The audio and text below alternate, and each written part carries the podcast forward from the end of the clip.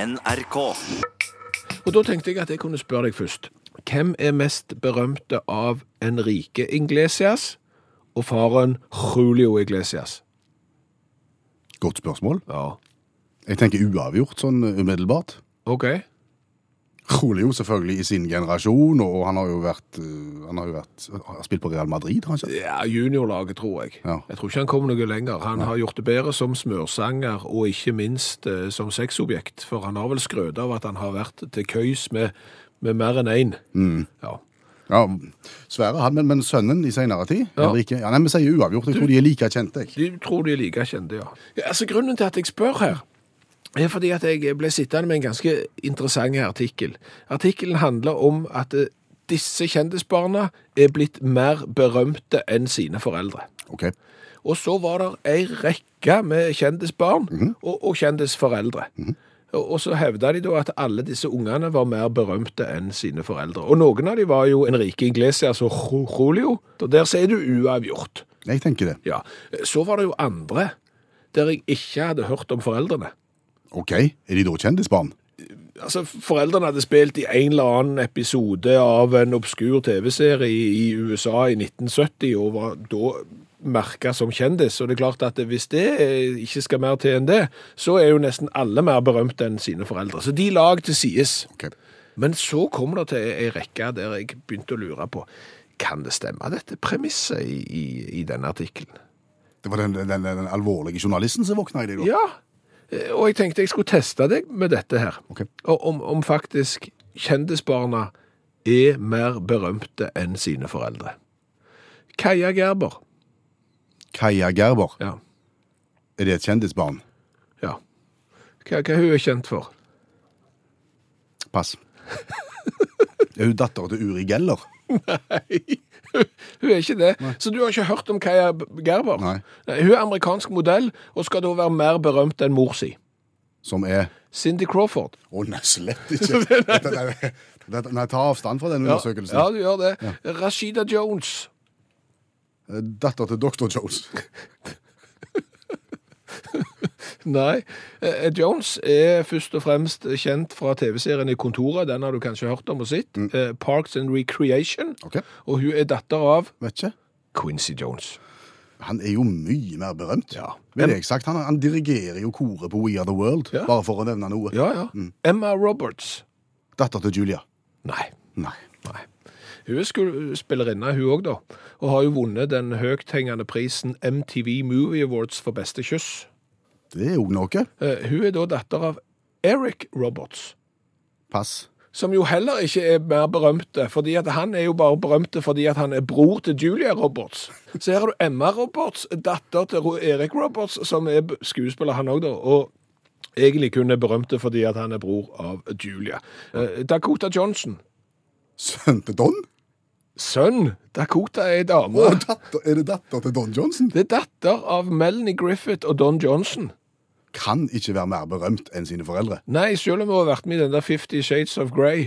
Ok. Så deler av henne er nok mer berømt eh, enn Melanie Griffith og Don Johnson. Men Det kan du blir jo ikke mer berømt enn enn Don Johnson.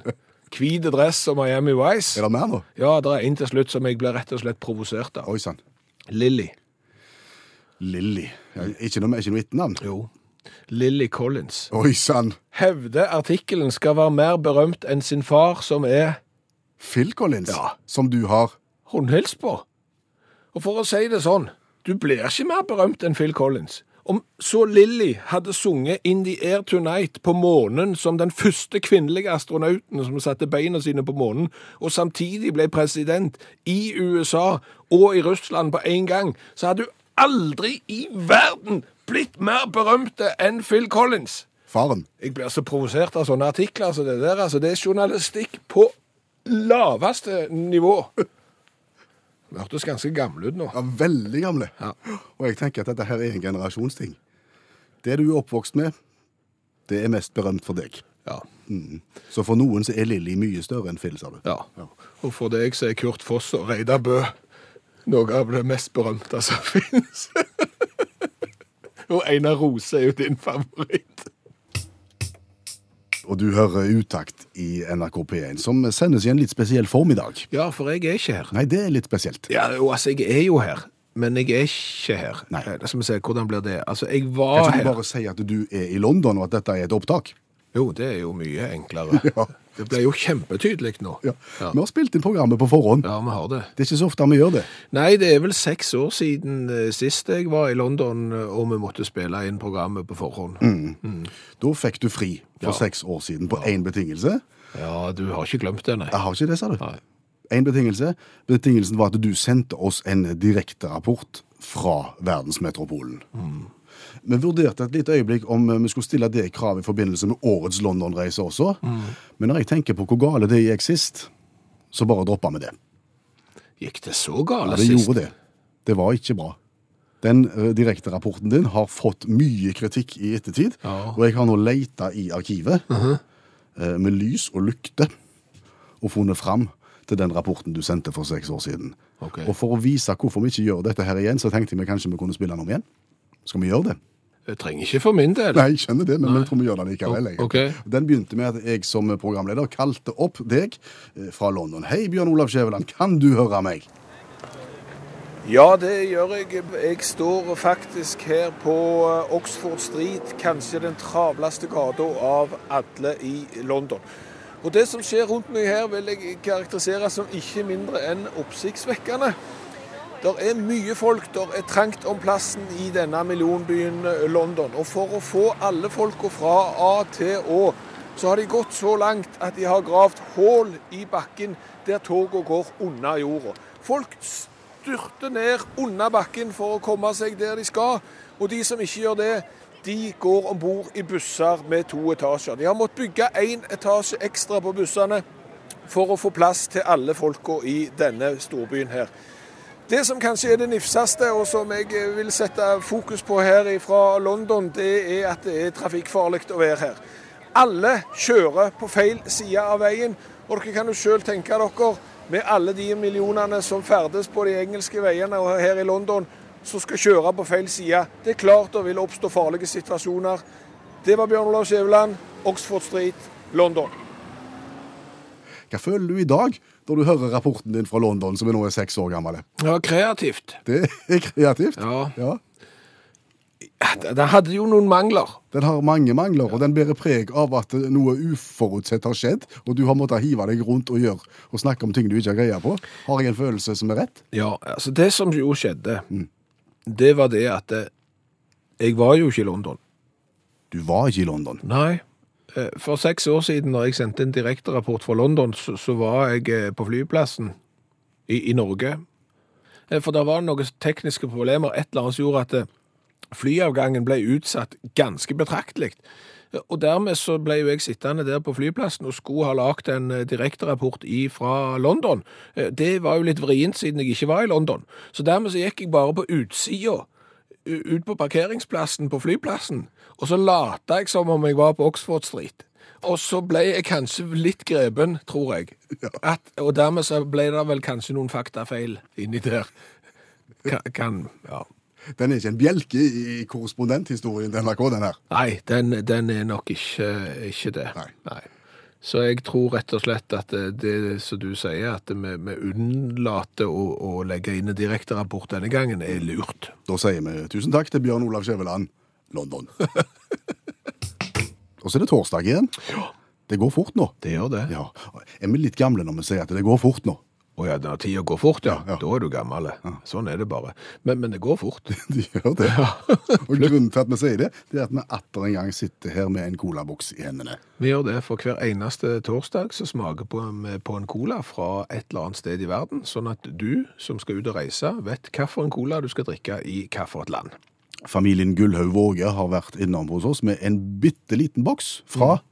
Fra Japan. fra Japan. Mm. Har vi vært borti japansk cola før? Ja, vi har det, men ikke ofte. Nei. Eh, Og det som jo er greia her, at det er jo nesten ingen bokstaver på denne boksen, så det går an å forstå. Nei, for vi liker jo å fortelle litt grann om eh, produktet som vi smaker på, før vi smaker. Der er to små setninger på engelsk på boksen, og der står det «Strong cola is cola tasting energy drink, giving a refresh for that afternoon boost». OK. Ja. Så det er sikkert fint. Så dermed tror vi at colaen heter Strong Cola. Vi tror det. Strong cola fra Japan. Ja. Og den er lagd av Asahi. Asahi. Og nå vil det kanskje ringe ei bjelle hos eh, noen, fordi at Asahi er det ledende bryggeriet og leskedrikkprodusenten i Japan, basert i Tokyo. De har 38 av eh, markedet, og mange nordmenn har sikkert smakt Asahi-øl. Ja. De er større enn nummer to på lista, som er Kirin, som òg lager øl. Og som sikkert mange nordmenn har eh, smakt på. Og det er nå det begynner å bli interessant, ser du. Fordi at visste du at det var en nordmann som lærte japanerne å lage øl? Nei. Johan Martinius eh, Thoresen, eh, senere ble han William Copeland da, for han ble amerikansk statsborger, men han hadde jobb på Arendals bryggeri, og så reiste han til, til, til Japan i 1864. Og der fant han ut, oi, her kan vi begynne å lage øl, de driver jo bare og importerer øl til dette landet. Så, så grunnla han et eh, bryggeri, og starta på en måte ølbrygginga i Japan. Han var gift med ei norsk dame, og så døde hun da. Og så, så gifta han seg på nytt med ei japansk eh, kone, og så gikk det litt skeis med økonomien, og så måtte han flytte til Guatemala.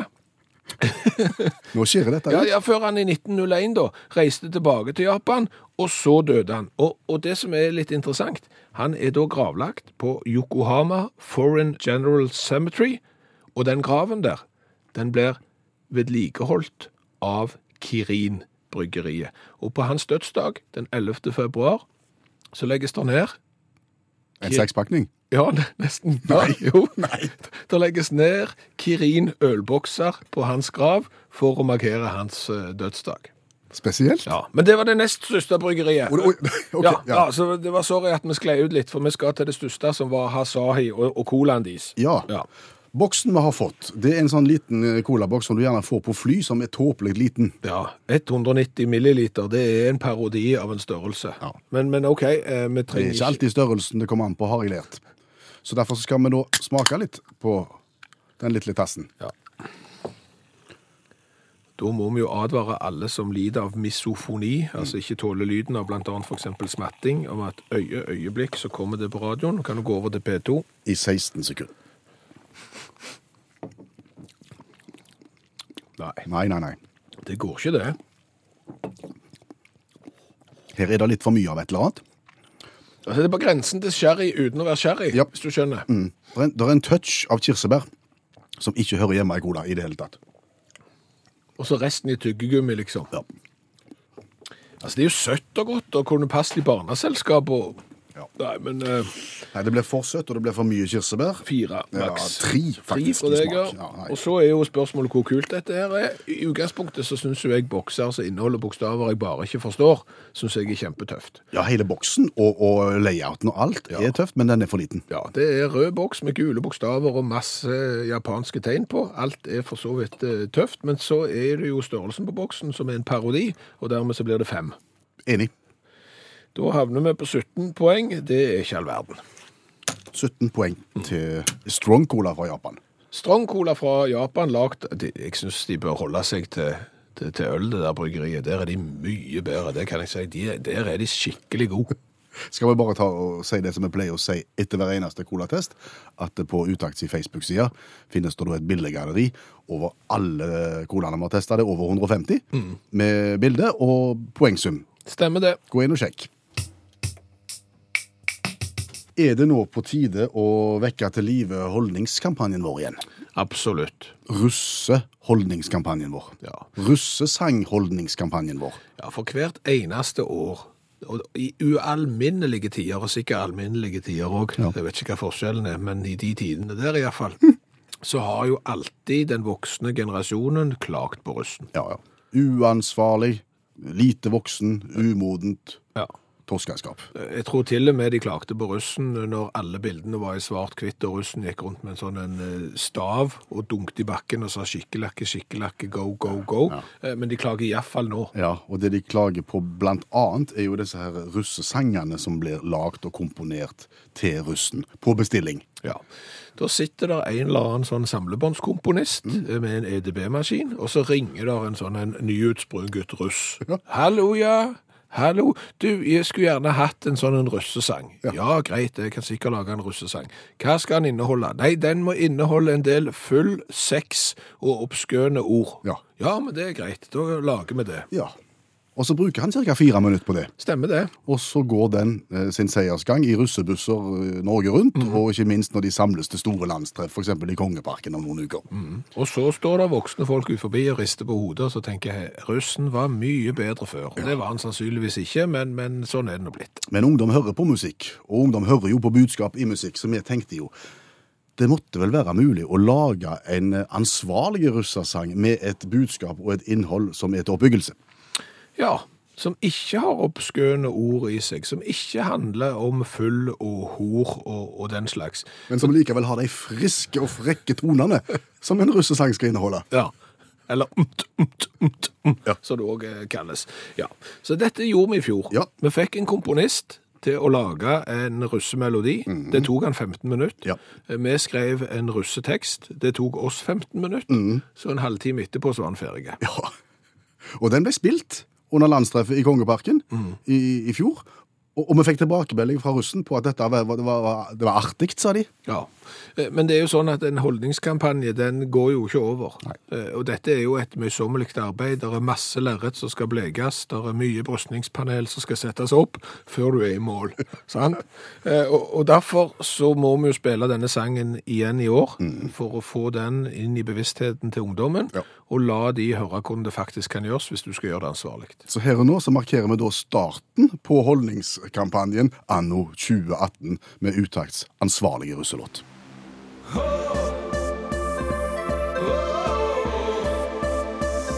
Eksamen artium er viktig, dere!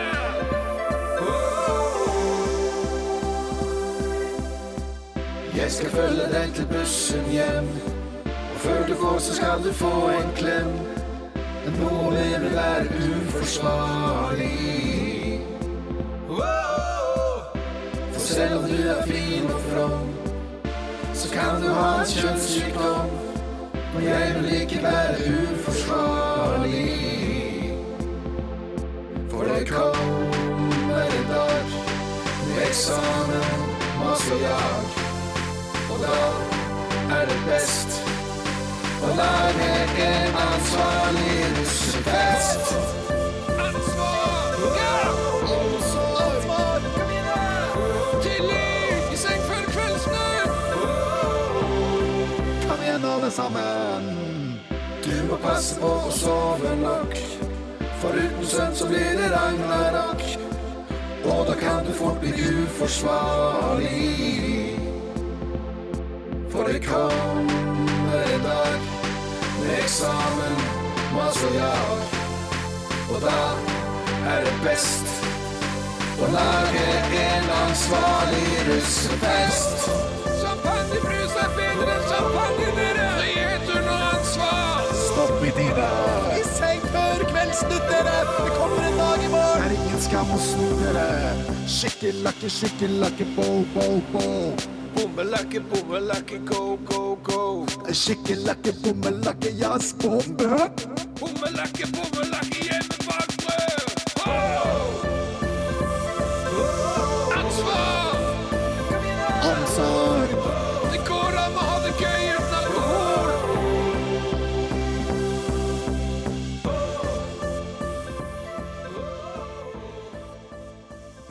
Ja, nå tenker jeg det var en og annen russ som fikk noe å tenke på. Ja, og hvis du nå sitter i blårussuniformen din, eller rødrussuniformen din, og, og trampa takten og klappte på 1 og 3 her, så eh, kan du finne denne sangen på Utakts i Facebook-gruppa, og du kan bruke den fritt. For å si det sånn, her er det ingen rettigheter, det- den er gratis. Så bare bruk den, og, og husk budskapet. Ja, og vi har jo laget en sterk video til han.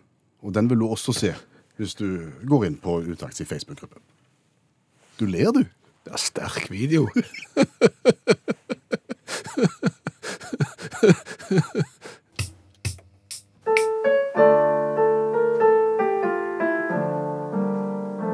Utakt får passe påskrevet.